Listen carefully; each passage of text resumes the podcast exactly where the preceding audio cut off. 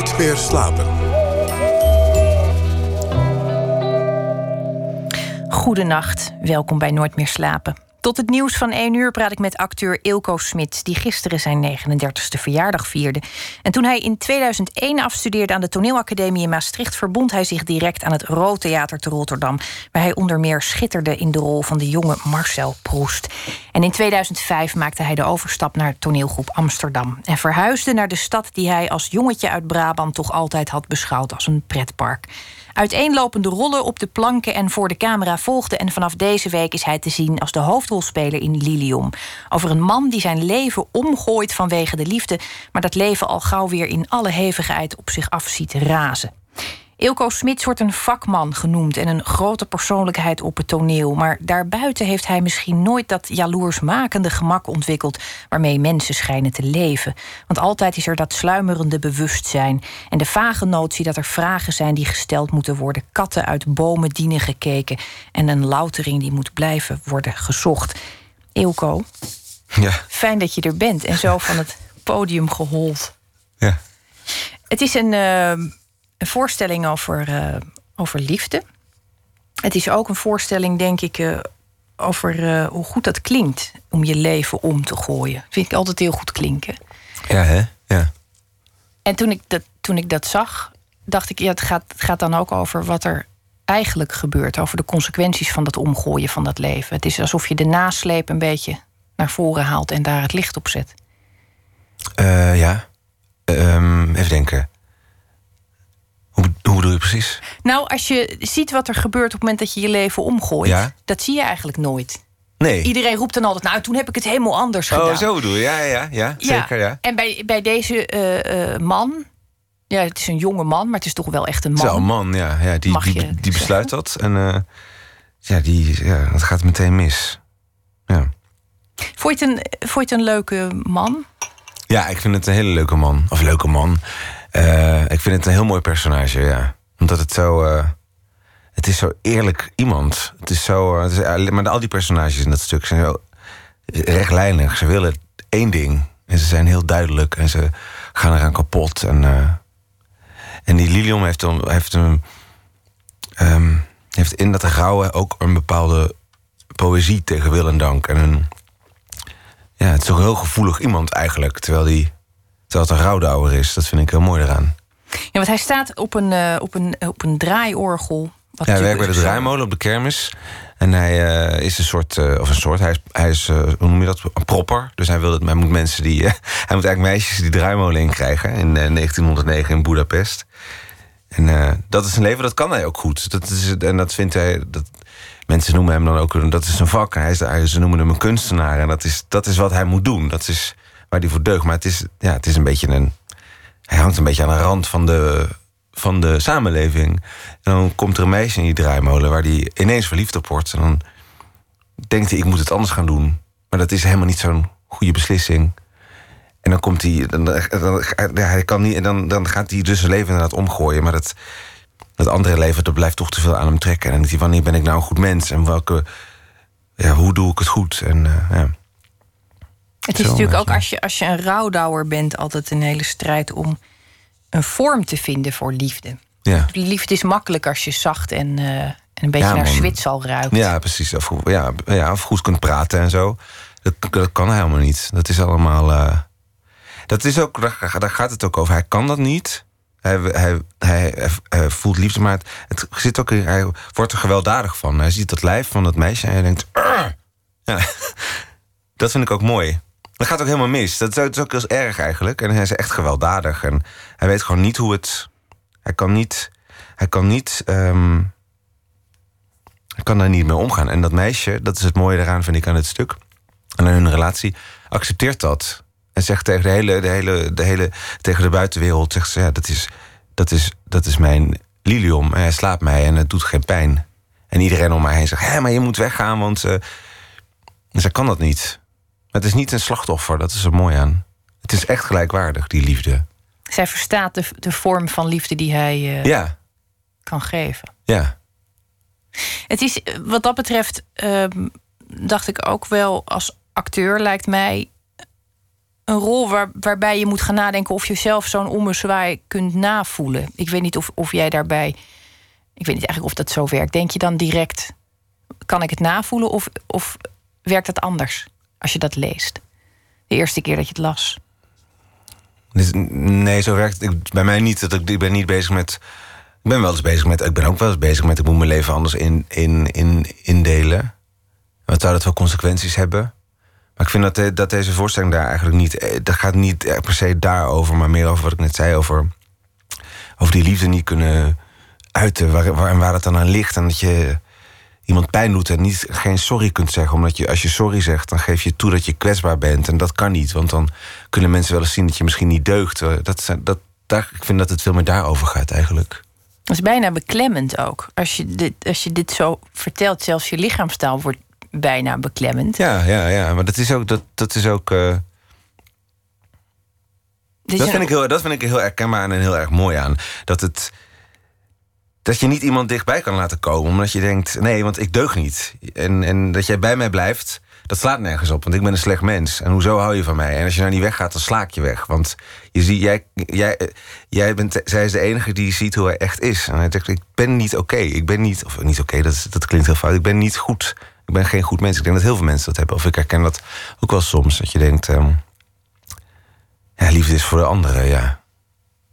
ja, echt? Herken je dat? Ja, ja, ja. Bij vlagen, hè? Ja. Gewoon dat je denkt, ja, eh, ik ben een slecht mens. Ja, dat, eh, vind ik wel herkenbaar. ik vind mezelf ook wel goed mens, hoor. dat, dat, ja. Misschien ben ik daar heel- meer mee bezig omdat ik het nu, dat ik daar, dat ik die, die rol zo heb geleerd. Maar ik herken dat wel, ja. Nou ja, ik, ik vind het op zich niet merkwaardig dat je regelmatig over jezelf constateert dat je een slecht mens bent. Ja. Vind ik- dat vind ik op zich niet. Ik niet hoor. Eh, nou, ja, ik bedoel, ik ben ermee bezig, maar ik denk, ik heb niet zijn probleem. Dat hoop ik. Denk ik. Oeps. Nog niet, hè? Nog niet. niet. Kun jij je, je eerste liefde herinneren? Mijn eerste grote liefde. Ja. Ja, Je eerste kleine liefde mag Ik ook. net zeggen, ja, maar wat is nou mijn eerste kleine liefde? Mijn eerste ja, ik heb me mijn eerste echte relatie herinneren en zo, ja. Ja, ja zeker. Gisteren nog een sms'je van hem, ja. Is wel iets intact gebleven. Ja, zeker, ja. Maar Hij was was wel op mijn verjaardag en hij wist niet meer dat ik jarig was. Was je, was je daardoor overweldigd, weet je dat nog? Of Ja, heel erg, maar ook heel erg in de war. Daar heb ik wel heel erg gedacht van, hoe moet dat dan, weet je wel? En eh, het is saai, of, ehm, of dan zei ik steeds, ik ben saai, ik ben saai. En dan zei hij, als je zegt ik ben saai, wat zegt dat dan over mij? Waarom zou ik dan bij jou zeggen? En dat soort, dat ben, is me bijgebleven, dat vind ik mooi. Dat zijn toch dingen waar je voor het eerst tegenaan loopt... als je met iemand, als je voor het eerst aan iemand verbindt... en intimiteit aangaat met iemand. was jij, eh, was jij eigenlijk iemand die daar soepel doorheen rolde op de middelbare school door dat hele gedoe met, met verliefdheden en Nee, ja, dat is een beetje ingewikkelder, omdat ik ben, ik ben eh, homoseksueel en op de middelbare school is dat dan. Dat was. Dat, heb ik, weet dat- ook iedereen dan altijd. wel. Ja, maar dat, dan, ga je, dan bewandel je wel een ander traject. Maar wat ik wel heel erg altijd heb, of vroeger meer had dan nu, is dat ik ehm, me veel meer kon overgeven aan de liefde. Of veel meer nu. Nu heb ik veel meer reserves. En, en mensen met wie ik. Mijn, mijn beste vrienden ook. En daar hebben we het ook over. Of als ik merk dat ik met iemand iets ga afspreken hebben die dat. Ja, dat is een, hoort bij een leeftijd. Die voor je raakt je onbevangenheid kwijt. Of ik raak mijn onbevangenheid kwijt, laat ik het zo zeggen. Die ben ik een beetje kwijtgeraakt. En ik ben me er bewust van. En er gaat energie zitten in dat ik. Ja. Dat, dat, dat, ik- dat ik open blijf staan om met mensen iets aan te gaan. Ja. Maar ik kan me wel heel erg voorstellen dat, dat dat niet meer gebeurt bij mensen na een bepaalde leeftijd. Dat, je die, dat je die banden niet meer aangaat. Ja, dat je denkt, ja. Dat je niet meer, net zoals toen wat je zegt op de middelbare school, denk je, nu ben ik verliefd op die, nu ben ik verliefd op die.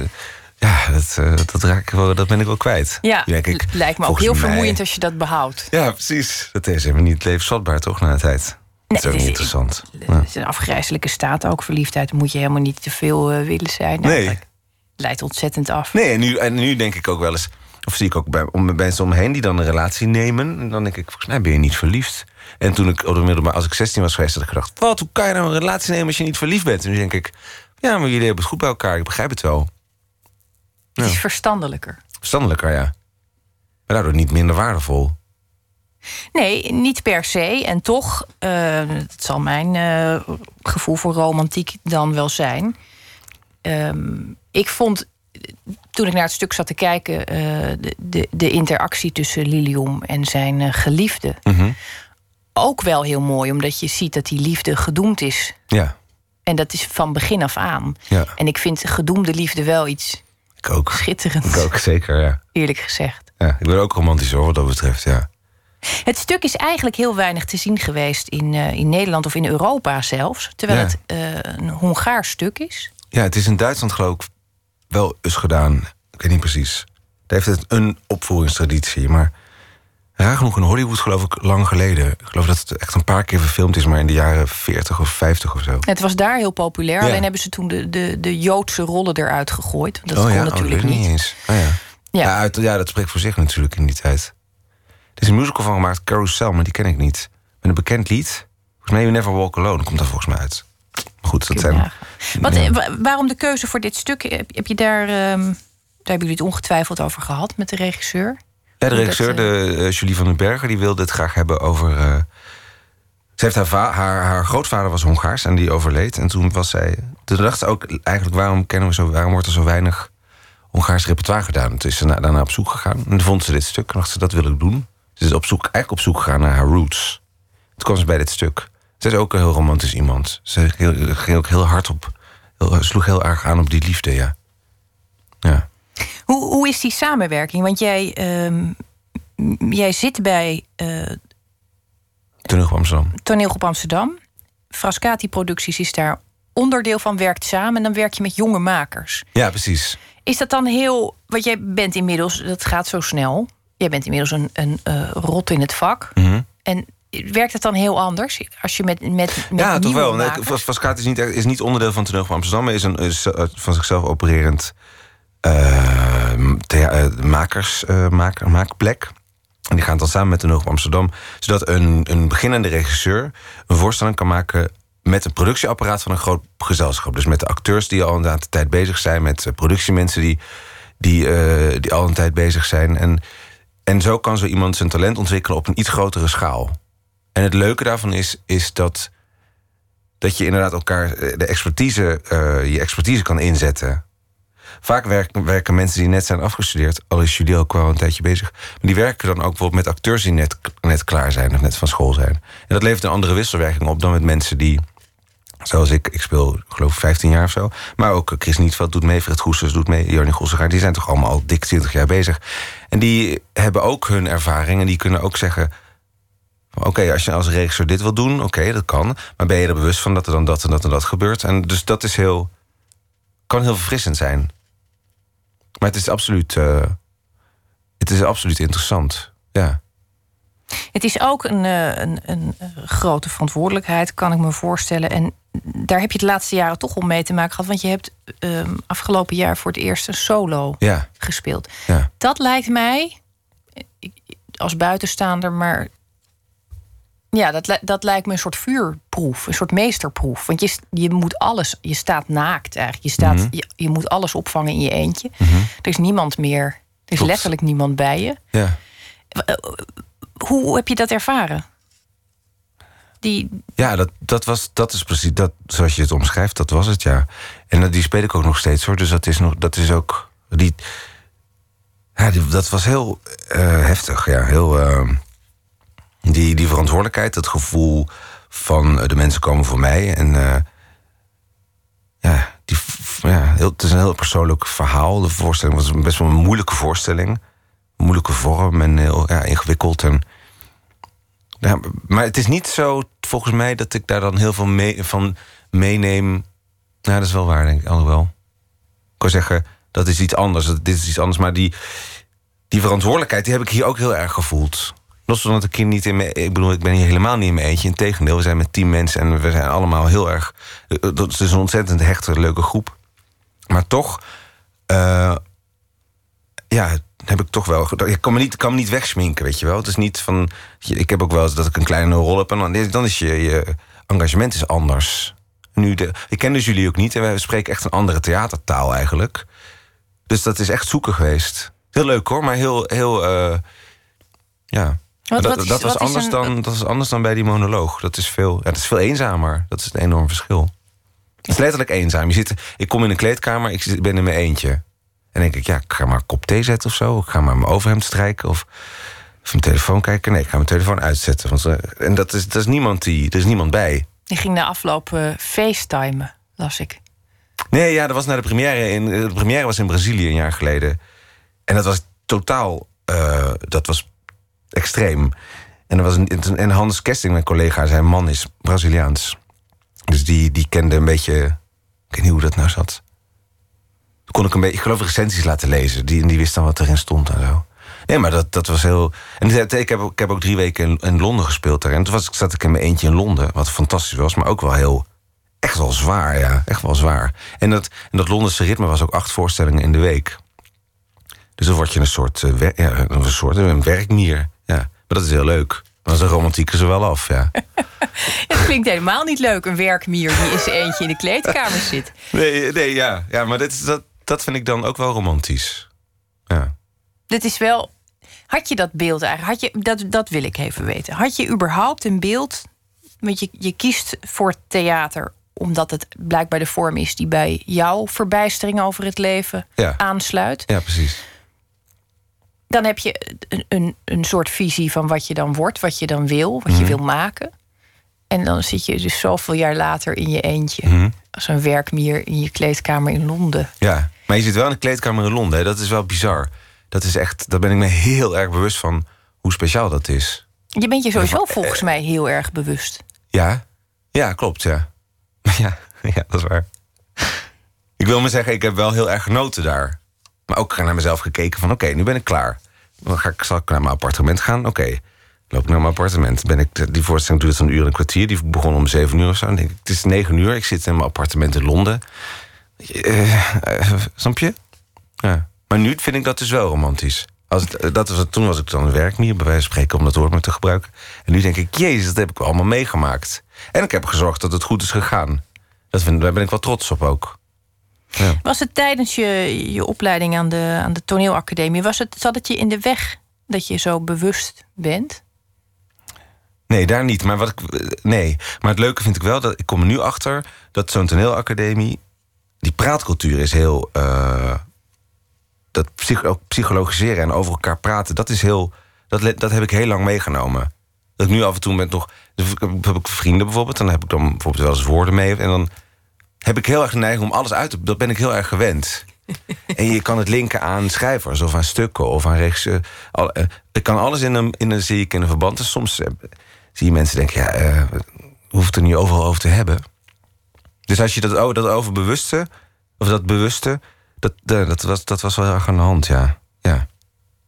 Ja, en ze zitten ook altijd heel erg aan elkaar, kan ik me herinneren. Toneelschoolstudenten. Ja, als ik op de toneelschool in Amsterdam, daar kwam ik wel eens, want daar had ik vrienden. En dan het viel me altijd op dat ze ontzettend aan elkaar zaten. Alles was de hele tijd heel zo, ja. intens. Vijfstemmig eh, lang zal ze leven zingen en zo als ze jarig zijn. Ja. Nee, is ook zo. Het moet toch ook wel een beetje een cultuurschok zijn geweest voor iemand die opgroeit in eh Goorle in Brabant. Ja, was En- het ook wel. Ik had toevallig vandaag over... Er zitten mensen, stagiaires in deze voorstelling... hadden het over de toneelschool en over... Iemand, ik ken iemand die les geeft en die zei... Ja, ik, ik was weer ziek, want die school is zo vies. Ja, die toneelscholen zijn vies, snap je? Die mensen zijn allemaal... zitten aan elkaar en alles is met beweging en zweten... en op elkaar en in elkaar. En dat is gewoon een broeinest van bacteriën. Vond ik zo grappig, ja. Ja. Maar dat is niet eh, wat jij vroeg. Eh, een cultuurschok, ja, heel erg, ja. ja. Maar ik heb wel de echt de leukste tijd van mijn leven gehad daar op de toneelschool. Kun je je auditie nog herinneren? Dat, daar ben ik, dat vind ik altijd zelf het, eh, het, het fijnste aan uh, toneelscholen. Ik, ik weet er ook Welke wel eens- auditie gaan op de toneelschool? Nee, dat niet. Maar ik ken wel dus de mensen die de audities Oh afnemen. Ook. Oh ja, ja, ja. En die zitten daar altijd weken van tevoren al pret over te hebben. Kun je er iets van herinneren wat je, wat je gevraagd werd te doen? Eh, ja, zeker, ja. Ik kan het nog helemaal rekenen. Ik weet nog precies wat ik deed, ja. En ook de... En ook de eh, want ik heb nu neem ik zelf audities af, hè, op de toneelschool ook. En nu... En je nu snap ik wat dat is. En ook dat je als iemand binnenkomt... eigenlijk weet je na 10 seconden of dat is. Maar wat, wat werd jou dan gevraagd? Kun je dat? Eh, nee, de- wat iedereen werd gevraagd om, om twee monologen in te studeren. En die breng je dan, en waarschijnlijk heel slecht. En dan is, dat, is, ergens, is er ergens een, een, een, hoe heet het, een, een, flinter talent uitgekomen? Of dat, ze- dat, wat, dat, ze- dat een grappige... Ik weet niet, ik weet niet hoe dat dan gaat. Maar ik kan, dat is niet op basis van dat dat goed, dat ik die monoloog goed deed. Dat kan niet. Maar jij zegt, ik zie het ook na tien seconden eigenlijk ja. al. Maar je ziet iets, en het zit, soms zit het in.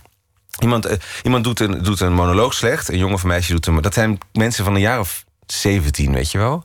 En die komen dan, die worden vaak door papa en mama afgeleverd. En dan vinden, het is zo ontzettend leuk en ontroerend. En, uh, en die doen dan een monoloog en denk je, hm.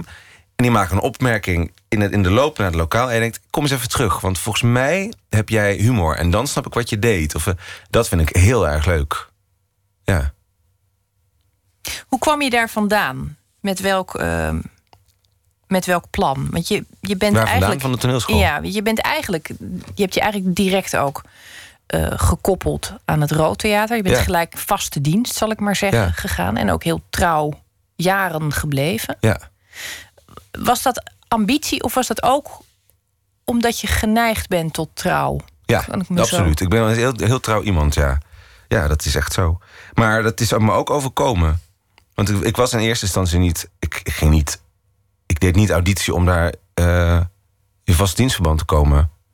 Ik deed een auditie voor een voorstelling en dat is goed gegaan. En toen ben ik zo... En toen vroeg ze, wil je blijven? dacht ik, ja, waarom niet? En toen heb ik dat gedaan. En toen ben ik... ik weet niet hoe dat nou- toen ben ik half, oh ja, toen ben ik halverwege gevraagd om bij van Amsterdam te komen. En denk ik omdat ik zo trouw ben, zei ik nee, ik kan niet, want ik zit hier.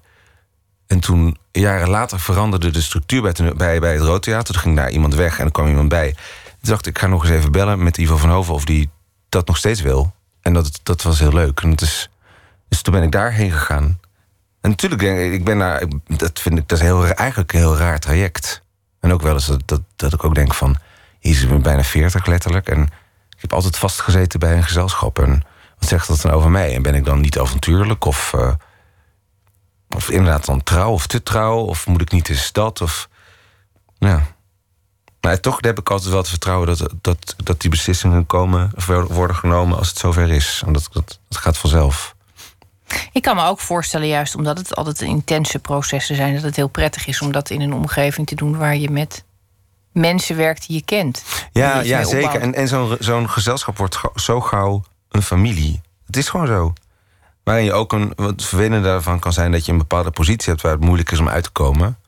Maar ik, ik ben zo gesteld op die mensen. En wij spelen bijvoorbeeld. Wij, moeten, wij doen heel veel voorstellingen. Dus ja, ik, ik, ik, ben, ik, ik, zit, ik zit zo vaak met dezelfde mensen in een kleedkamer of in een vliegtuig naar een buitenland. Of, of in een. In een dat, dat is hartstikke leuk. Maar dat, ja, dat, maakt het, dat maakt het niet makkelijker om weg te gaan. Omdat die, die, die band is zo hecht. En dat zo, je komt in zulke bijzondere situaties als je ergens bij een ensemble zit. En je kan ook op een veel hoger niveau aan een voorstelling beginnen met een groep mensen die je al jaren kent. Als ik zou gaan freelancen en ik zou, bij, ik zou een repetitieproces beginnen. Ik ben heel erg wat je zegt met kat uit de boom kijken. Dat ben ik heel erg. Dus dan zou ik heel veel, heel veel tijd kwijt zijn aan hoe lig ik in de groep. Vinden ze me wel leuk? Ik moet nu een grap maken. En dat heb ik nu niet. En daar zijn ook weer nadelen aan verbonden. Dat mensen denken, oh, daar heb je Ilko Smits mee met. Die doet altijd hetzelfde of whatever. En zo ben ik wel de hele tijd. Daar ben ik, als je dat, daar ben ik me wel bewust van, als je dat zo zegt. Daar ben ik wel over aan het nadenken, ja. En ondertussen voorstellen spelen, ja. Nou ja, ik heb toch heel vaak ook een, een, een beeld bij acteurs dat ze met een soort vanzelfsprekende flair door het leven rollen, omdat ze zich altijd heel makkelijk overal aanpassen. Het is misschien een heel vertekend beeld. Sommigen wel, maar Heb jij, daar, heb jij dat verlangen nooit gehad om zo'n. Zo, dat, want dat gemak, dat, dat hoor je in alles terug als je het hebt over je bewustzijn of over je middelbare schooltijd Mhm. of over de, de, de keuzes die je gemaakt hebt. Dan is dat eigenlijk altijd wel. ehm, daar is altijd over nagedacht en over getwijfeld en op gereflecteerd. ja, dat gaat nooit. eh, dat, nee, ik ben niet, ben niet zo makkelijk in, nee. Heb je daar nooit spijt van dat je niet een soort. dat je, dat je, want je hebt vast wel eens instinctief eigenlijk. ehm, vanuit hartstocht willen reageren op iets. Kon, kon je dat dan wel? Dat doe ik wel. Ja hoor, ja. Dat is je, je, je innerlijke lilium die zich dan eh, roert. Ja, nou ja. eh, nee, ik vind mezelf heel hard, heel hard, te, te eh, hartstochtelijk iemand vaak. En ik zit mezelf daar ook in, in- vaak in de weg. Maar ik vind wel, ik vind interessante acteurs die ik ken, die ik, de, ja, ik weet niet. Vaak zijn de, de acteurs die worstelen met iets in het leven, vind ik de leuk, vind ik de interessantere acteurs, omdat je die worsteling vaak terugziet in hun spel. En acteurs die alles zo goed geregeld hebben en zo. denk ja, het, het zal wel, ja, makkelijk. Ik weet niet. En dat is waarschijnlijk omdat ik me daar dan in herken. Of dat ik. Of dat anderen jaloers ben, dat kan ook. Dat ik denk, hè, waarom gaat, nou, waarom gaat het niet gewoon makkelijk? Weet je wel, waarom is alles nou altijd moeilijk? ja. Het is uiteindelijk wel heel prachtig om te zien dat er ergens voor gewerkt wordt, toch? Ja, dat denk ik wel. En in die zin vind ik zo'n Lilium wel heel leuk. Dat is geen makkelijk. Uh... Geen makkelijke jongen. Nee, die maakt het niet makkelijk voor zichzelf. Dus dat herken ik heel erg. Hij is nog uh, te zien tot wanneer in Amsterdam? Uh, oei, goede vraag. nu volgende week en dan de week daarna. Van dinsdag tot en met zaterdag. Ik wens je heel veel geluk met alles wat komt. Dank je. En dank je wel dat je er was. Graag gedaan. En uh, voor wie het niet wist, Nooit meer slapen is ook de podcasten, zodat u dit programma op elk gewenst moment kunt beluisteren. En dat geldt voor het volle uur, maar ook voor de losse onderdelen. En hoe dat allemaal werkt, dat leest u op onze website vpro.nl/slash nooit meer slapen. Straks na het nieuws gaan we verder met het tweede uur van Nooit meer slapen. En dan horen we onder meer wat Don Duins bij de afgelopen dag heeft geschreven. Hij heeft de hele week al uh, gereflecteerd op de actualiteit en dat doet hij vannacht dus ook weer. En we staan stil bij het plotselinge overlijden van Zaha Hadid, de beroemdste vrouwelijke architect ter wereld. Dat en meer allemaal straks na het nieuws van 1 uur.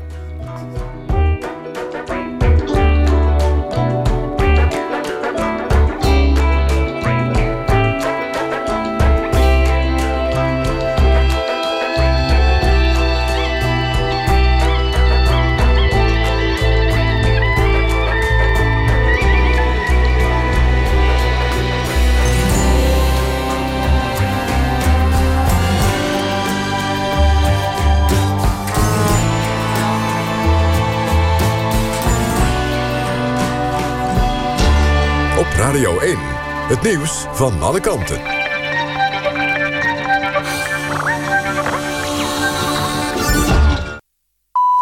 1 uur door Albegens met het NOS-journaal. Terreurorganisatie IS met een kernwapen zou de grootste bedreiging van de wereld zijn. Dat zei president Obama op de top over nucleaire veiligheid in Washington. Volgens Obama zijn er concrete stappen gezet om nucleair terrorisme te bestrijden. Vooral het tegengaan van de verspreiding van hoogverrijkt uranium... was een belangrijk onderwerp op de top. Op een afsluitende persconferentie benadrukte Obama... dat er nog veel nucleair materiaal in de wereld moet worden veiliggesteld. De president deelde ook een sneer uit naar de republikeinse presidentskandidaat Donald Trump. Die had gezegd dat Zuid-Korea en Japan eigenlijk kernwapens zouden moeten krijgen... vanwege de dreigende houding van Noord-Korea. Het laat volgens Obama zien dat Trump geen benul heeft van buitenlandbeleid... of de wereld in het algemeen. De luchthaven Zaventem bij Brussel zou over een paar dagen heropend kunnen worden. Volgens Belgische media zijn de overheid, politiebonden en de directie van Zaventem het daarover eens geworden. De luchthaven is dicht sinds de aanslagen vorige week dinsdag. De veiligheidsmaatregelen worden flink aangescherpt. Bezoekers van Zaventem worden beter gescreend, evenals bagage. En ook de achtergrond van personeel moet beter worden gecontroleerd. Afgelopen dagen hadden politiebonden veel kritiek op de beveiliging... en de werkomstandigheden op de luchthaven. In de Caribische Zee is een verlaten zeiljacht gevonden... dat voer onder Nederlandse vlag. Het schip dreef bij het eiland San Andres. Werd daar ontdekt door de Colombiaanse marine. Aan boord lagen paspoorten en documenten van een Nederlands stel. Hun identiteit is niet bekendgemaakt. Het jacht was vorige week vrijdag vertrokken uit Panama. En daarna is niets meer van het stel vernomen. De marine gaat ervan uit dat de twee een ongeluk hebben gehad... en dat ze niet zijn aangevallen. Persbureau AP meldt dat er naast het zeiljacht twee lichamen zijn gevonden... maar dat is niet bevestigd door de Colombiaanse marine. Het weer overdag droog met zon- en sluierbewolking, 14 tot 19 graden. Morgenavond neemt de kans op een bui toe. Ook zondag overdag droog met wat bewolking. En in de avond opnieuw kans op een bui. Het kan zondag wel 21 graden worden. Dit was het NWS Journaal. NPO Radio 1.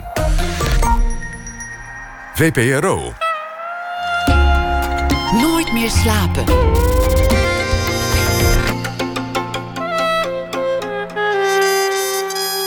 Met Esther Naomi Perquin. Goedenacht, welkom terug bij Nooit meer slapen. Als er ergens veel foto's en filmpjes van worden gemaakt, dan is het wel van familie. Fotodoc in Utrecht besloot hier een expositie aan te wijden met bijzondere verhalen. Straks hoort u de fotografe Ujana Orlova, die een film maakte over de asielprocedure die zij in de jaren 90 doorliep. En schrijver en autojournalist Bas van Putten komt langs naar aanleiding van zijn boek Geluk is een auto. Maar we beginnen met proza bij het nieuws van de afgelopen dag. En dat doen we deze week met Don Duins, schrijver van toneelstukken, televisieseries en romans. Don, goedenacht. Goedenacht. Ja, ik begreep dat jij uh, vandaag met angst en beven alle flauwiteiten en briljantie hebt afgewacht. Ja, ja, daar gaat mijn verhaal over, dus dat zal ik straks vertellen. Ja. Uh, dat klopt. En uh, jullie hebben daar natuurlijk aan meegewerkt. Sorry daarvoor, ja. Nee, nee, maar ik ben ook, uh, ik ben ook naïef, maar dat koester ik ook. En maar ik heb me daar niet alleen mee bezig gehouden. Ik, heb me ook, ik zit ook me voortdurend druk te maken over dat referendum. Maar nu denk ik dat ik toch maar niet ga stemmen. Inmiddels. Het lijkt me de juiste Want, beslissing. Uh, als ik ja, zo vrij mag zijn om dat te zeggen. Maar dan, dan denk ik weer, oh, doe ik dat nou omdat Grunberg in een voetnootje schrijft? Ben ik dan zo beïnvloedbaar? Maar ik, zo langzamerhand denk ik dat het toch de goede beslissing is. Het zou ook nog, kunnen dat, uh, het zou ook nog kunnen dat Grunberg dat in een voetnootje schrijft... omdat jij eigenlijk helemaal niet wil stemmen. Misschien is de beïnvloeding wel andersom. Ja, ja, dat zou kunnen. Dat zou nog kunnen. Zal ik eerst voorlezen wat ik geschreven heb? Heel dan, graag, ja. Anders vertel ik al alles. Um, het heet Argwaan. Gisteren nacht las dichter en schrijver Ilja Leonard Vijver in dit programma een verklaring voor waarin hij verkondigde dat hij zich terugtrok uit de literatuur en kok ging worden in zijn woonplaats Genua. Of Genoa. Als fan van Pfeiffer, ik vond La Superba geweldig, baalde ik enorm. Op zijn Facebookpagina schreef ik een berichtje dat ik zijn besluit respecteerde, maar het zeer spijtig vond. Het was natuurlijk een 1 april grap. Ander voorbeeld. Al enige weken is er veel rumoer over het verdwijnen van het beroemde raketijsje. Meteen had ik me bij een actiegroep aangesloten om fabrikant Ola te bewegen dit besluit terug te draaien. Ook een nogal vroeg ingezette 1 april grap annex publiciteitsstunt, waar ze vandaag over zeiden, te vroeg uitgelekt. Mijn probleem is, ik geloof altijd alles wat ze me op de mouw spelden. ik heb een chronisch gebrek aan argwaan. Dus op een dag vol grappen ben ik behoorlijk kwetsbaar. Omgekeerd geloof ik soms dingen niet die wel waar zijn. Zo was ik op het laatste boekenbal... waar presentator Sven Ratske Simon en Nick aankondigden. Ik was inmiddels al zo beschonken dat ik luidkeels zei... dat de twee artiesten die vervolgens Goedenacht Freunde kwamen vertolken... niet de echte Nick en Simon waren. Je ziet toch dat ze er niet eens op lijken? Het is gewoon een parodie. Het ging zelfs zo ver dat ik na het optreden Simon door de Schouwburggangen heb achtervolgd met de ambitie hem te ontmaskeren als fake Simon. Maar hij was het wel echt. Vandaag was het dus 1 april. De treurigste aller feestdagen. Zelfs als kind vond ik de verplichte grappenmakerij al niet leuk. Plichtmatig wees ik mijn ouders op verkeerd gestrikte schoenen... al droeg mijn moeder destijds nog zilveren glimlaarzen. En het oneetbare ontbijtje met veel te zout ei... dat ik mijn ouders presenteerde, vond ik eerder gemeen dan geestig. Voor de eerste hap riep ik dan ook al hysterisch... 1 april, 1 april, ha, ha, ha, ha. Humor is een lastig ding. Zeker als het verplicht op een bepaalde dag moet plaatsvinden. Op 1 april net, dat bestaat echt, worden suggesties gedaan voor fratsen die je uit kunt halen. De een nog erger dan de ander. Zoals deze. Schrijf op een briefje, beste meneer, mevrouw. Sorry van de schade aan uw auto. U kunt mij bellen op telefoonnummer 06 123 Er is natuurlijk helemaal geen schade aan de auto, dus het is een goede grap. Goede grap, Jezus. Of deze. Bedrijf failliet, leuk bij collega's. Wij bellen je slachtoffer op met de melding dat het bedrijf waar hij werkt al een week failliet is. Maar zijn salaris kan hij dus wel fluiten. Hoe zal je slachtoffer reageren? Mijn god, scheidlollig noem je zoiets. Er zijn door 1 april grappen mensen ontslagen. Andere grappen hebben geleid tot echtscheidingen of tot de dood. Humor kun je maar beter aan specialisten overlaten. Net als het aansteken van een barbecue, het nemen van een penalty of het trekken van een kies. Schaf die dag toch af. Om terug te komen op Ilja Leonard Pfeiffer. Eigenlijk jammer dat het nep was. Zijn terugtreding uit de literatuur. De Nederlandse letteren konden wel weer eens een schandaal gebruiken. En ik was graag een keer bij het beroemde Genuaanse restaurant komen eten... waar Vijver zogenaamd als kok was aangenomen. Ach, de waarheid is toch altijd weer saaier dan de leugen. Gelukkig is het nu, om zeven over één, alweer veilig 2 april. Genoeg gelachen. Don, dank je wel. Dat is uh, deze week mede dankzij jou toch wel uh, goed gelukt hoor, met dat lachen. Oh, gelukkig, ja. ja, ik, ja ik, ik, ik, ik, heb geprobeerd natuurlijk het spoor van mijn gênante uh, bericht op Facebook weer te verwijderen. Maar dat is vast nog ergens in, in cyberspace beschikbaar. Ja, ik hou heel erg van mensen die in, um, in grappen trappen, mits het goede grappen zijn. Ja. Ik, ik ben daar echt mee begaan, omdat ik gewoon. Het, het, het verstevigt mijn geloof in de mensheid. Um, En ik, ik vind ook. Ik, ik had hier ook een paar collega's die uh, gisteren uh, in alle verwarring rondom Fiverr mailden met: Het is dit een grap? Wat zijn jullie aan? Dit is toch. Dit, nou ja, en er was er dus ook een, een bij die echt oprecht heel schattig uh, geloofd heeft dat het zo was. En uh, ja, ik, ja, dat ontroert me ook altijd wel. Ja, nee, maar zo was ik dus ook tot ik me bedacht dat s'nachts al 1 april uh, begint. Maar ik, ik, ik, was ook wel, ik was ook in de spanning van de komt de verklaring. Dat had wel iets heel ouderwets. Dat op de radio iemand een verklaring doet waarin hij zijn, zijn toekomst uitstippelt. En, maar ik vind het toch wel jammer. Ik vind eigenlijk dat hij wel gewoon moet doen wat hij gezegd heeft. Dat het gewoon niet geldt 1 april. En dat hij dus wel kok gaat worden. Ik zal hem straks even bellen. Ik denk ook dat het, dat het heel goed kan. En hij heeft het juiste uiterlijk ervoor. een haarnetje en, haarnetje. Uh, en achter de pannen ermee. Ja. Ja, hopla, klaar met die flauwekul. Dan hebben we jou gelukkig nog over. Don Duins, dank je wel voor deze week. En ik wens je een hele goede nachtrust. Graag gedaan, dank je wel. Wij gaan luisteren naar de Amerikaanse, het Amerikaanse duo Whitney. En ze hebben een liedje gemaakt over hoe dat is om je thuisstad te verlaten. No Woman.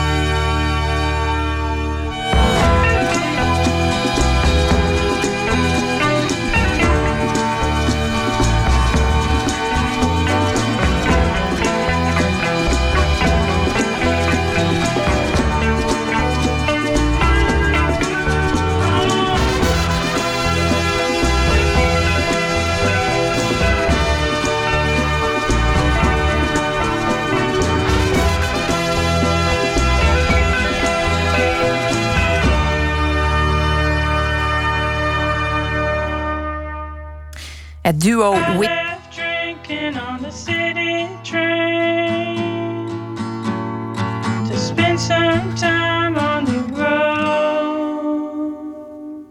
Het duo Whitney was dat met No Woman. Nooit meer slapen. Elk huisje heeft zijn kruisje. Dat zou de ondertitel kunnen zijn van de tentoonstelling There's Something About My Family. Dit weekend opent die in de expositieruimte Fotodoc in Utrecht.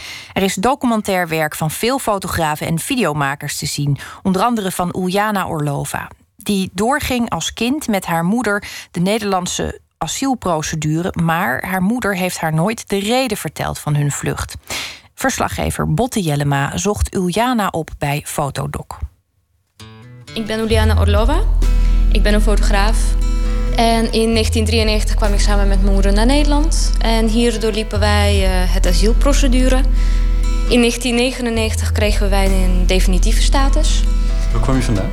Litouwen. Wat, wat was er aan de hand dat jullie weggingen? Dat is een gemene vraag, want iedereen... dit is precies de kwestie, hè? Dit is inderdaad precies de kwestie wat, ik, wat je dus in de video ziet. Voor mijn moeder in ieder geval, toen de Sovjet-Unie uiteenviel, betekende dat we veel meer toegang kregen naar Europa. Um, er was opeens Amerikaanse muziek te horen. Um, er kwam nieuws uit het buitenland. En ik weet dat mijn moeder toen ze 17 of 18 was, toen het echt nog Sovjet, Sovjet-Unie was, dat mijn moeder altijd droomde van een wereld buiten Sovjet-Unie. Want dat was zo afgeschermd. En ik denk dat bij de uiteenvallen daarvan mijn moeder dit ook zag als een kans om weg te gaan.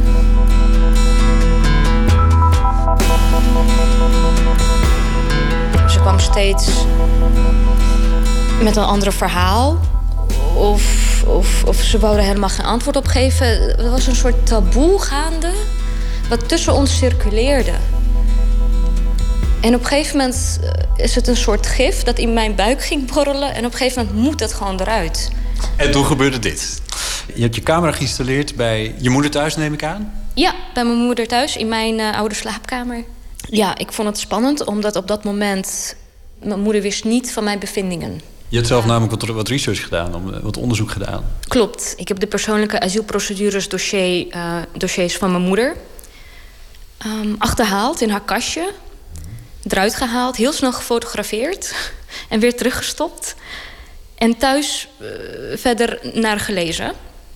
Vervolgens heb ik ook de dossiers bij de IND opgevraagd om het compleet te maken. In de persoonlijke dossiers van moeder bevond, bevond zich ook dus mijn geboorteakte. Ja. En haar transcript van de IND-interview. Ja. Wat ze toen de tijd heeft verteld in de asielprocedure aan de IND. Klopt, dat is een heel belangrijk interview. Want aan de hand daarvan uh, gaan ze vragen waarom ben je hier gekomen? Waarom is het gevaarlijk voor jou om terug te gaan? Wat is de route dat je op uit hebt gelegd? En waarom kun je niet meer terug? Dus het is een heel belangrijk interview. Dus не было бы, что ты да, одна, вместе с ребенком. Discriminatie была от всех, от, от русских, от поляков. Dat, dat, ze, dat ze met mij was, dat er sprake was van discriminatie jegens Russen, Polen en Joden. En zijn jullie Russisch, Pools of Joods? Wij zijn Russisch, maar we zijn niet Joods. Nee, we zijn Russisch, inderdaad. De Litouwer zorgt ervoor dat iedereen die niet bij hun eigen volk hoorde...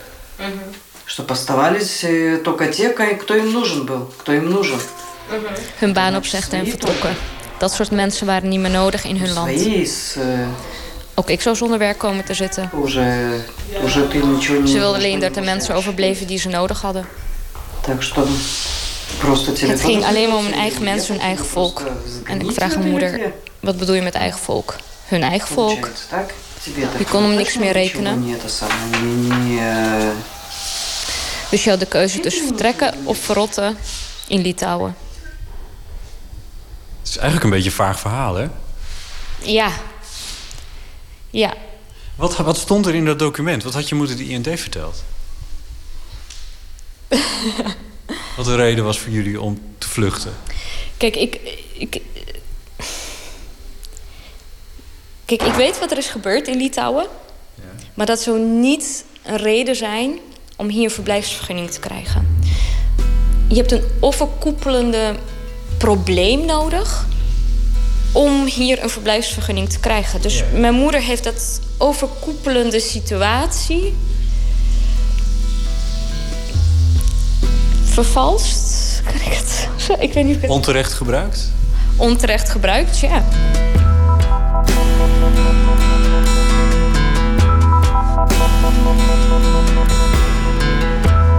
Femke Lutgering, je bent artistiek leider van Fotodoc. Ehm Iljana, waarom heb je haar en haar werk gekozen?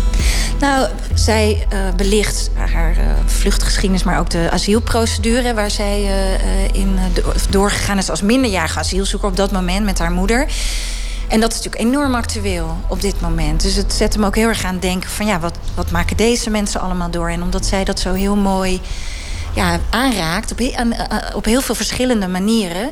Van jou is het idee gekomen om ehm, There's Something About My Family te maken, de expositie? Ja, dat klopt. De ene kant kwam het omdat er hè, de, de, de koning ging een speech houden waar de participatiemaatschappij in één keer heel eh, eh, nou, groot werd aangekondigd. En Troonrede volgens mij, 2013, 14? Ja, of 2014 volgens mij, uit mijn hoofd. Eh, en daar wordt heel erg beroep gedaan op familie. Hè, familieverbanden, familiebanden. Dus dat was één ding wat, me, ja, wat in mijn hoofd is blijven hangen. En een ander ding was dat wij in Nederland eigenlijk heel veel vanzelfsprekendheid hebben met verschillende familieverbanden.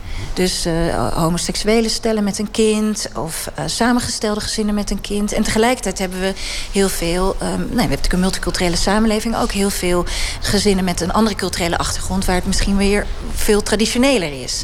Nou, die twee elementen maakten dat ik dacht, ja, ik zou heel graag iets over familie willen doen. Met wat voor gevoel hoop jij dat mensen die jullie expositie komen bezoeken naar buiten gaan? Nou, sowieso hoop ik eigenlijk altijd bij iedere tentoonstelling die je bij foto's ook bezoekt, dat je dacht dat het dit was en dat je dan naar buiten gaat en denkt: oh ja. Oh, er zijn misschien nog wel tien andere manieren om over dat onderwerp na te denken. Dat is, dat is iets wat ik sowieso beoog, of wij hè, bij Fotodoc.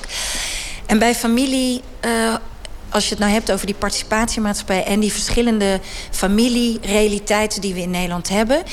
ehm, ik vind het belangrijk dat mensen ook met elkaar spreken over wat betekent dat dan. Want als stel dat je familie verschuift van je directe familie naar je omgeving, die familie wordt, omdat de omstandigheden dan.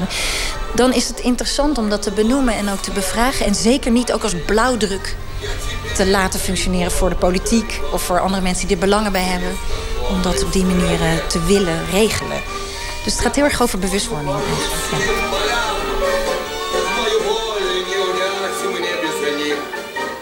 Je zet je moeder nog een keer voor de camera en dan heb je nog een vraag aan haar.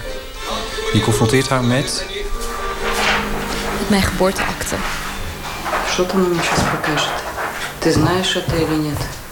Wat ga je me nu weer laten zien? De vraag wat ik hiervan af weet. А, про это ты говоришь, is Да. Да, это перевод делали. Это перевод. Dit is een vertaling. Nationaliteit, dat je Hoe verklaar je dan dat er bij nationaliteit Jood staat? Ja, такой, такой перевод сделали. En dan geeft ze geen antwoord. Nee, nog steeds niet. Het is echt, er staat een stempel. Alles klopt hoor aan dit document, zegt ze. Al dan het feit dat jij niet echt Joods bent. Маленькая ошибочка. Маленькая ошибочка. Это маленькая ошибочка, которую я сама даже не заметила. Ты не заметила? Ты заметила, мам. Не заметила, все. Toch? Ja, als je, als je straks even gaat kijken, ja, geef, ze, geef ze toe dat ze het voor veel geld uh, heeft laten vertalen. Niet vervalsen, vertalen. Ja, ja, ja precies. dus dat is het werkwoord waar, we, waar, waar wat. Ja wat zij creatief gebruikt. Ja, inderdaad, inderdaad. Mijn moeder, nee, mijn moeder geeft inderdaad in het interview niet toe dat ze heeft gelogen. Of dat het vervalst is. Nee. het is vertaald voor veel geld. Ja. Ik was minderjarig toen ik hierheen kwam. En, eh, en ik was machteloos. En alle beslissingen werden voor mij genomen. En mijn moeder dit natuurlijk allemaal heel goed wist te spelen of te doen of te regelen. En nu, nu ik volwassen ben, ga ik dus weer terug naar die, naar die tijd. En dat is mijn macht. Het klinkt misschien heel suf, maar dit is nu mijn macht om dit aan de wereld wel gewoon te kunnen laten zien dat dit gebeurt. En komt ze zondag naar de opening? Nee, nee, dat, nee. Ik, ik, ik mocht ook. Uh, ik, ze, weet, ze weet ook dat ik, dat ik nu geïnterviewd word. Ze zegt: Liana, wil je uitkijken met namen? En uh, dat vindt ze, ze vindt het heel spannend hoor. Ze vindt het zelf heel spannend. Want ook al heb je het uitgezocht hoe het juridisch zit en dat jullie technisch gezien geen gevaar lopen in de zin van uitzetting, mm zij is nog altijd op haar hoede. Ja, absoluut. Ja. 23 jaar later. Ja. Ja.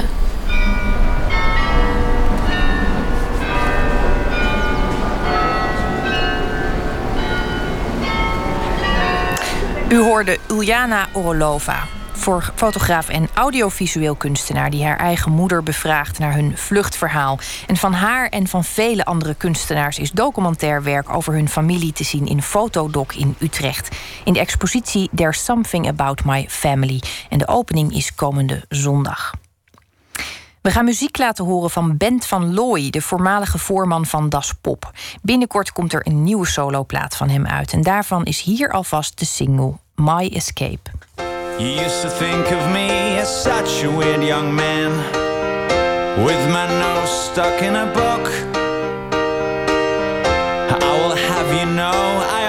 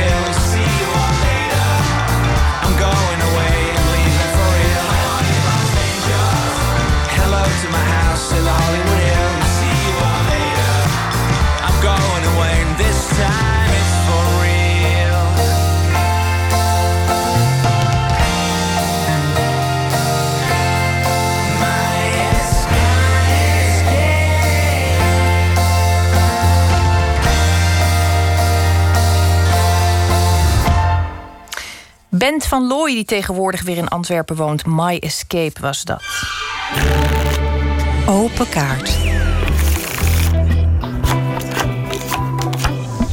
In onze rubriek Open Kaart trekt de gast kaarten uit een bak met 150 vragen over werk en leven. En deze keer zit schrijver, muzikoloog en journalist Bas van Putten tegenover mij.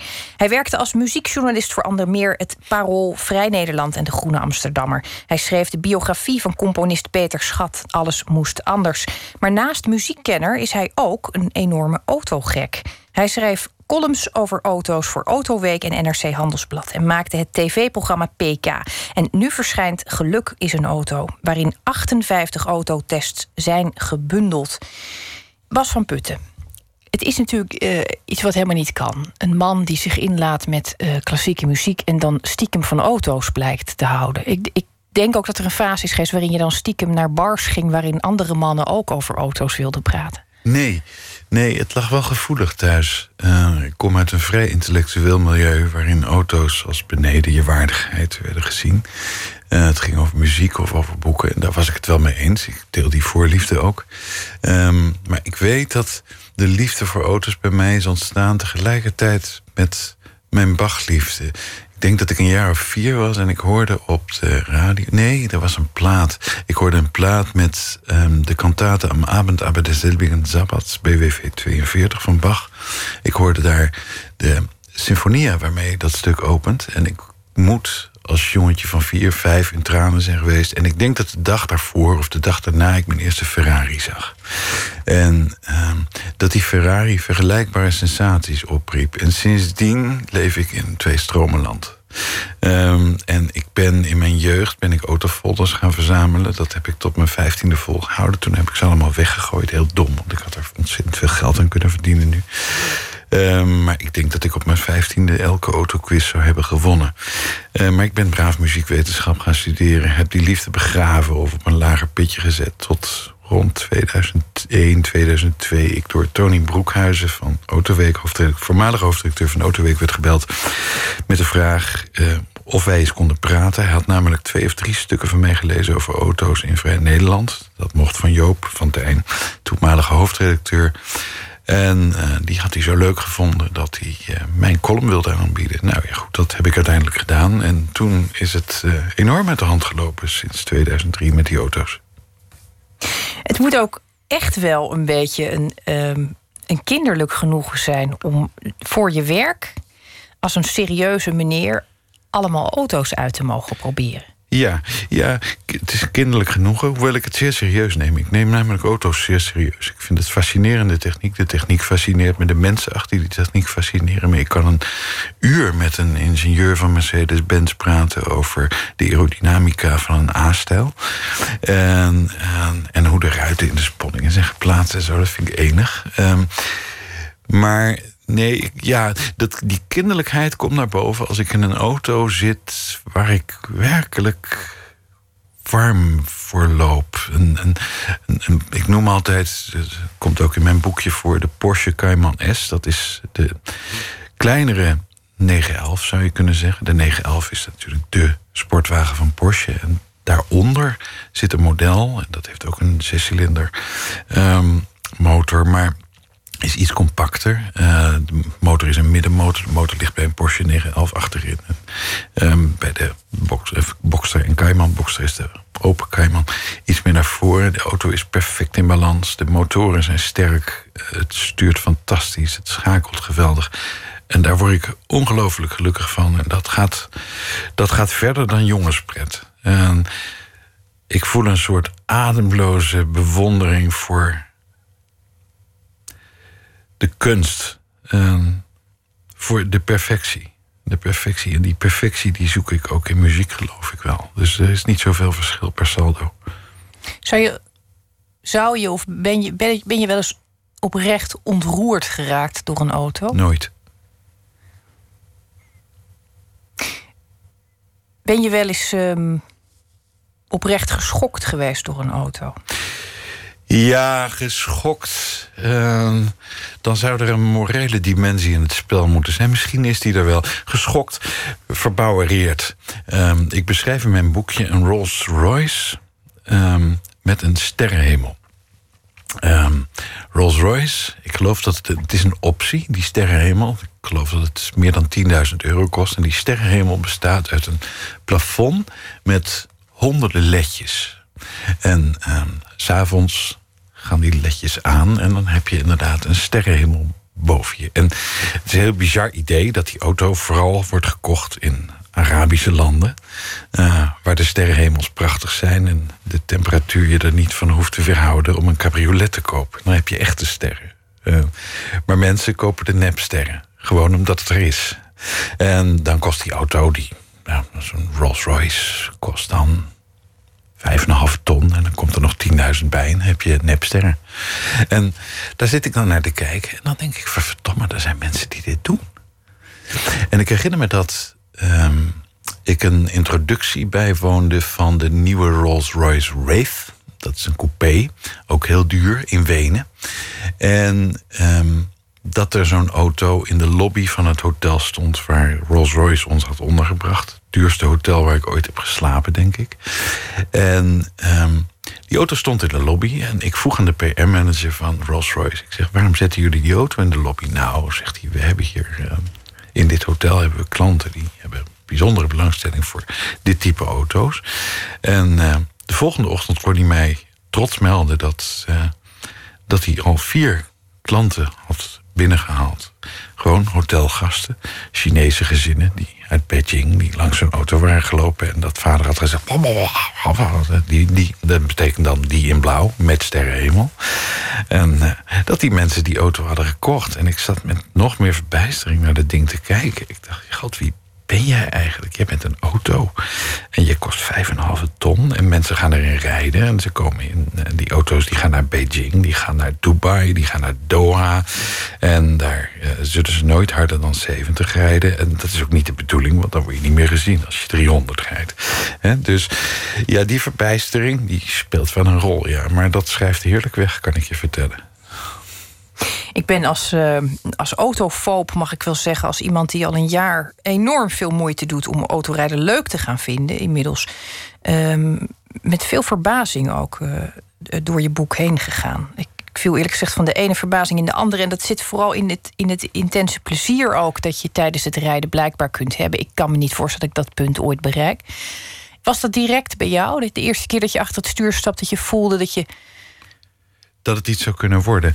Nou, die eerste ervaring herinner ik me heel goed. Um, mijn grootouders hadden een vriend, een foute vriend, door mijn elitaire moeder zeer gehaat. Terecht waarschijnlijk. Dat was een man die een rijk was geworden met allerlei vage handeltjes. Keer zat hij in tweedehands auto's, dan weer in fotoapparatuur. En uiteindelijk ging hij weer failliet. Maar hij wist uit dat faillissement dan altijd wel een grote Mercedes te slepen. En in een van die Mercedes kwam hij op een zondagochtend... toen wij bij mijn opa en oma op bezoek waren aangereden... met een fout jasje, een soort wethouder hackingjasje. En die man komt binnen, ik zie mijn moeder verdacht kijken... en ik weet meteen, dit is foute boel. En die meneer slaat mij iets te joviaal op de schouder... en zegt, jij houdt van auto's, hè? ik jongetje van acht... uit dat milieu. En uh, ik heb een nieuwe auto, wil je die zien? Nou, ik zeg, nou, natuurlijk. Ik zie mijn moeder nog bozer kijken... maar kwaad was al geschied. En ik loop met die man met dat ruite jasje anno 1973 naar die auto. En daar staat een Mercedes 280 SE. Donkergroen met donkergroene leren bekleding. En elektrische ramen had ik nog nooit gezien. Wij hadden nooit auto's. En als we een auto hadden, was het een eend.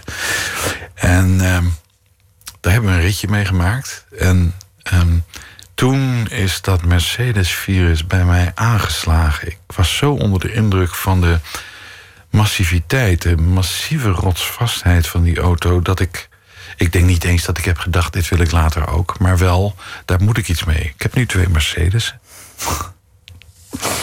Ik zou zeggen, uh, Bas, ik ben erg benieuwd wat er, wat er gebeurt als we het toeval hierbij gaan betrekken. Ja. Dat is bij autorijden ook altijd een interessante factor. Um, ik zou zeggen, trek een kaart. Ja. Hier staat, moet ik het zelf voorlezen? Hier staat, hoe wil je dat mensen zich jou herinneren? Um, ik heb daar nooit over nagedacht. Um, ik hoop dat ze zich mijn boeken herinneren.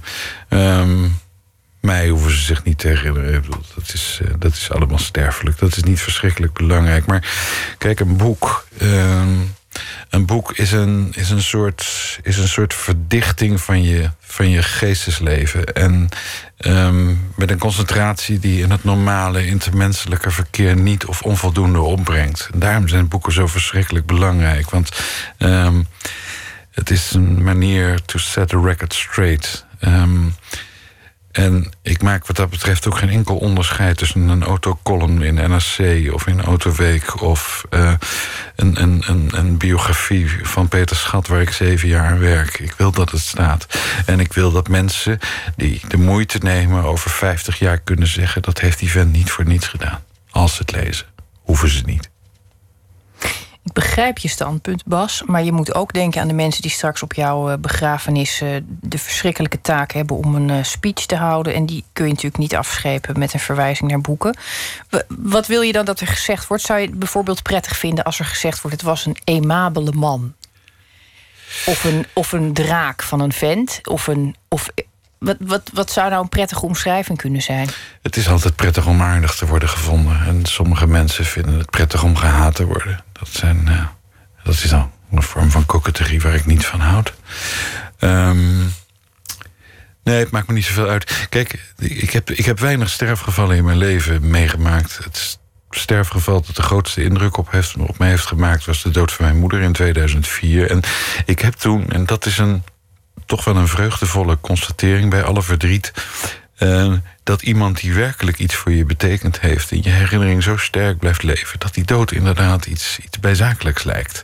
Uh, met mensen met wie je een werkelijk sterke band hebt gehad... kun je nog, laten we zeggen... virtuele conversaties voeren, bij wijze van spreken. En, en omdat hun betekenis niet, niet afbrokkelt. Um, en als je dat voor iemand kunt betekenen na je dood... Ja, dat zou wel heel mooi zijn, ja. Maar ik ga er niet vanuit. Pak nog een kaart, alsjeblieft. Ja. Wat is je mooiste tekortkoming?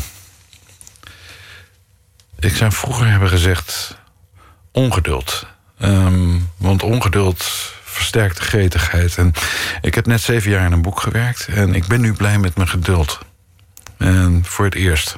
Um, dat vermogen dat ik vroeger niet had om te wachten tot iets komt. He, dat heeft, uh, kijk, een, bij een biografie, je, beschrijft een mensenleven. Dat mensenleven heb je niet in de hand, dat is geleefd. Het is in jouw leven. Uh, je staat daar als buitenstaander naar te kijken. En je mag hopen dat je op een gegeven moment alle kieren en hoeken van dat huis een beetje kent.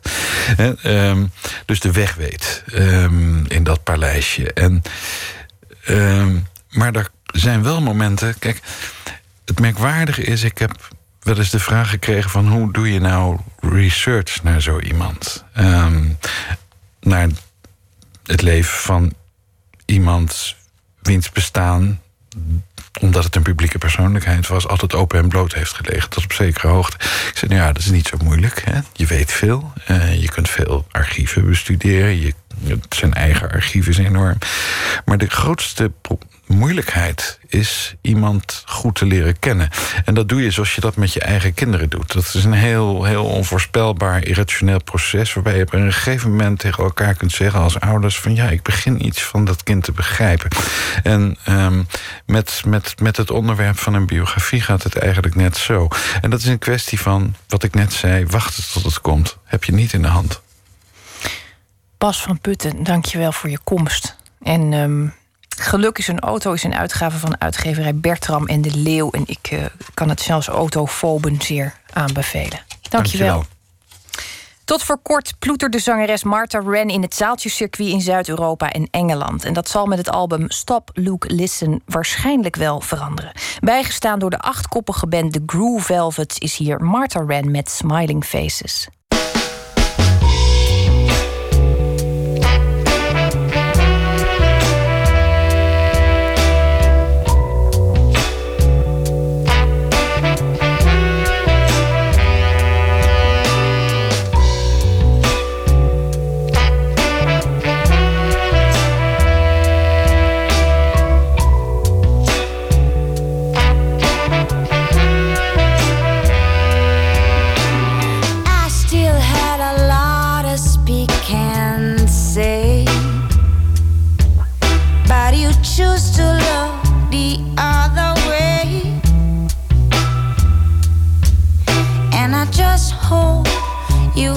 Understand someday. This feels worse than a betrayal.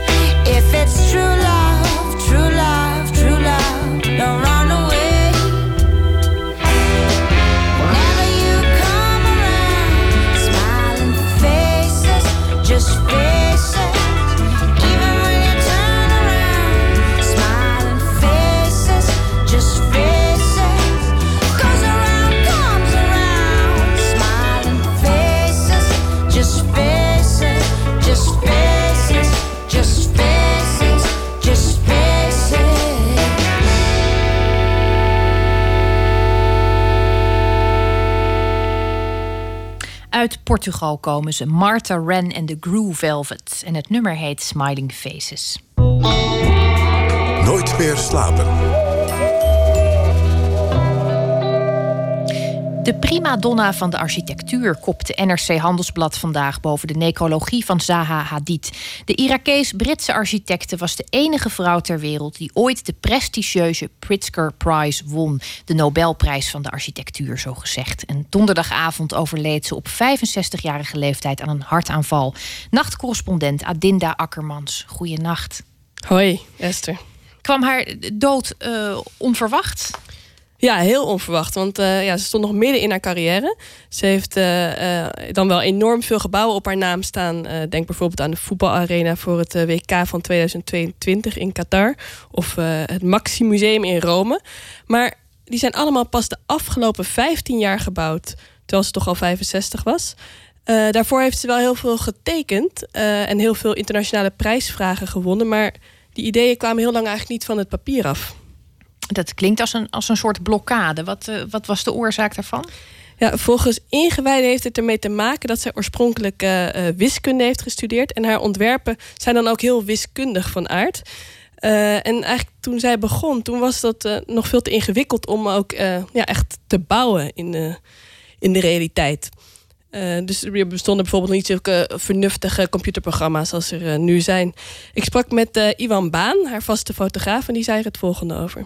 Ze was iemand die een soort architectuur voor ogen had die vroeger niet gebouwd kon worden. Dus op een gegeven moment haalde de techniek haar eigenlijk in en kon ze dingen bouwen die ze eigenlijk lang daarvoor eh, had gedroomd. Ja, als je kijkt eh, naar haar werk, waar bijna niks recht heeft, rechte hoeken heeft, alles eh is, waanzinnige eh, structurele ehm, ingrepen die, die je vroeger gewoon niet kon doen. En nu ehm, met de techniek van tegenwoordig, met eh, wat er gebouwd kan worden, eh, kon ze plotseling dingen bouwen die, die je voorheen niet kon, kon doen. Als je kijkt naar het Maxi Museum in Rome bijvoorbeeld, met enorme overhangen en ja, structurele acrobatiek letterlijk, om, om zo'n gebouw eh, bijna haast te laten zweven.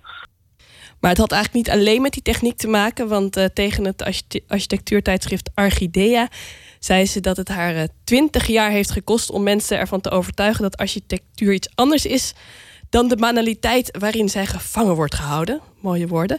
En al die jaren heeft ze eigenlijk geprobeerd om eh, zoveel mogelijk grenzen te verleggen, zei ze. En ze, ze werd dus gezien als de grootste vrouwelijke architect ter wereld. Dat, is dan toch altijd een beetje een aparte formulering, de grootste vrouwelijke architect. Is het eigenlijk van belang dat ze een vrouw was? Nou, volgens Francine Hoebe wel. Dat is eh, eh, die andere vrouwelijke eh, architecte uit Nederland. Luister maar. Het is toch uniek dat een vrouw eh, dit voor elkaar heeft gekregen. Zeker ook van eh, haar generatie. Ze is, net, ze is net vijf jaar ouder dan ik. Uit onze periode zijn nog echt heel weinig vrouwelijke architecten. Maar dan om ook echt je eigen bureau te runnen. Geloof dat een bureau heeft van 400 mensen. En dat toch op een succesvolle manier doet of en heeft gedaan. Eh, en ook in het academische circuit, wat ook een heel erg mannenwereld is, gaan vertellen. Eh, dat is heel knap. De architectuur die zij maakt en die ik maak zijn totaal eh, verschillend. Maar ik heb er wel een enorm respect voor hoe zij dit allemaal voor elkaar heeft gekregen. En hoe ook goed zij is geweest in, in de hele branding van haar vormentaal. En want wij kunnen het wel over gebouwen hebben, maar ze heeft ook schoenen ontworpen, eh, sieraden. eh. ik denk ook dat ze met een enorme passie, ik denk dat ze ook eigenlijk ook geen privéleven had. Ik bedoel, het was, alles was voor haar het, eh, haar bureau en haar werk. Ja, een vrouw zonder privéleven en die eh, als een, als een grootheid wordt beschouwd. Wat voor eh, persoonlijkheid had ze? Wat, wat was Zaha Hadid voor, voor iemand? Ja, ze was eh, enorm markant en heel pittig. Ze liep bijvoorbeeld een keer boos weg uit een BBC-interview vorig jaar... toen het ging over de slechte arbeidsomstandigheden... bij de bouw van haar voetbalstadium in Qatar. Eh, want ze vond dat het niet haar verantwoordelijkheid was eh, als architect. En ze kreeg in het algemeen wel het verwijt dat ze enkel met vorm bezig was. En dat waren natuurlijk ook hele mooie vormen. Maar te weinig met hoe een, hoe een eh, gebouw gebruikt wordt en met ethiek. En daarnaast vertonen ze ook wel wat diva-gedrag. Francine Hoepen vertelde dat als, ze, als zij haar uitnodigde in Nederland voor een lezing, dat ze altijd wel iets te klagen had. Dan ging het weer over het geluid, en was het licht weer niet goed of het eten. Ja, niks eh, menselijks is haar vreemd dus. Wat vond ze eigenlijk zelf van dat eh, imago? Nou, ik vond dit fragment eh, op CNN, dat is wel grappig. Your temper has been called volcanic. Do you think that's accurate or are you misunderstood? I'm funnier than the others, maybe. you know, I mean, uh, you know, I mean, uh, I, I'm, I could be very charming and diplomatic, but I'm not really. I, somebody was a, a client actually. You could be seen as rude, and I said, I'm not rude, but I realized I don't pander to people. I, it's, I don't kind of, you know, compliment and flatter. So by not doing it, you you are seen as rude, or have a volcanic temper. There was a time in which your staff wore T-shirts that said, "Would they call me a diva if I was a guy?" Um, what exactly have you faced as a woman in this still traditionally male game? It's really changed a lot. I mean, at the beginning, it was very difficult. It wasn't just one thing. It was the women thing. The, I mean, they would never call a guy a diva. you know. But if I'm a woman, uh, you know, or difficult. I mean, the worst thing is that you know I'm difficult. Uh, but if you're a guy, you're opinionated. You have an opinion. You know, you're not difficult. Nou, in ieder geval een bijzondere vrouw lijkt mij eh, Adinda Akkermans. Ja, zeker weten. Dankjewel voor dit, eh, dit kleine portret. Goeiedag. Joe Volk is een Engelse zanger-gitarist die op dit moment in het Zwitserse Bern woont. Hij maakte eerder naam met de band Crippled Black Phoenix, maar koos uiteindelijk voor een solo-carrière. En van zijn nieuwe plaat Happings and Killings is dit So Liloquy.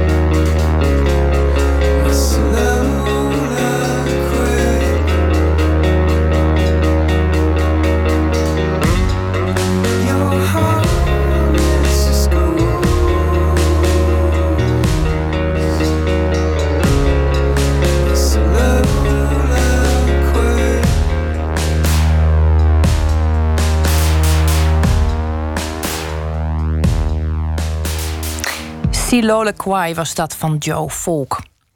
En ook deze week sluiten wij iedere nacht af met een gedicht. Ditmaal gekozen door dichter, essayist en filosoof Maarten Doorman. Hij sluit af met La Carpe van Apollinaire.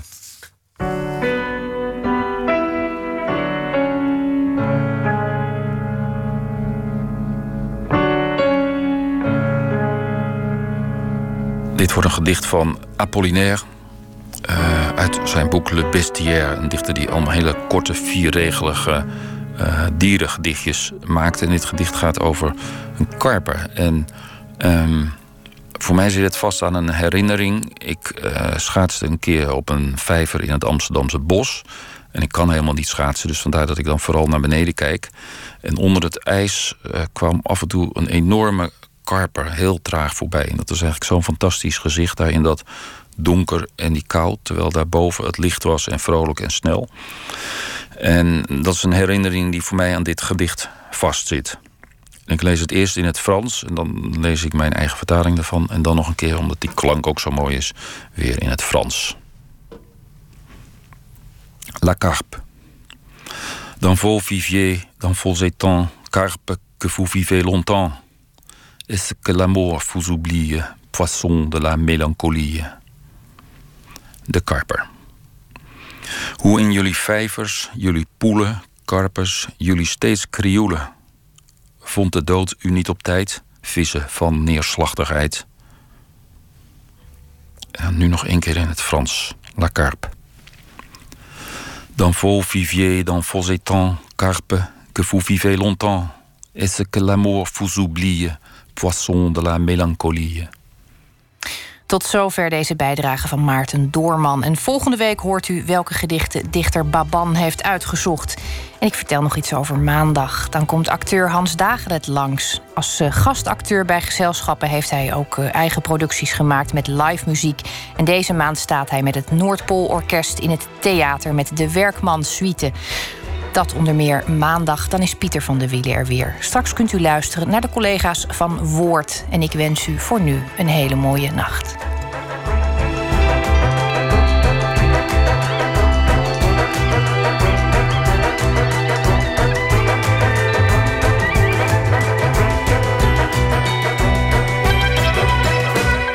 Op Radio 1, het nieuws van alle kanten.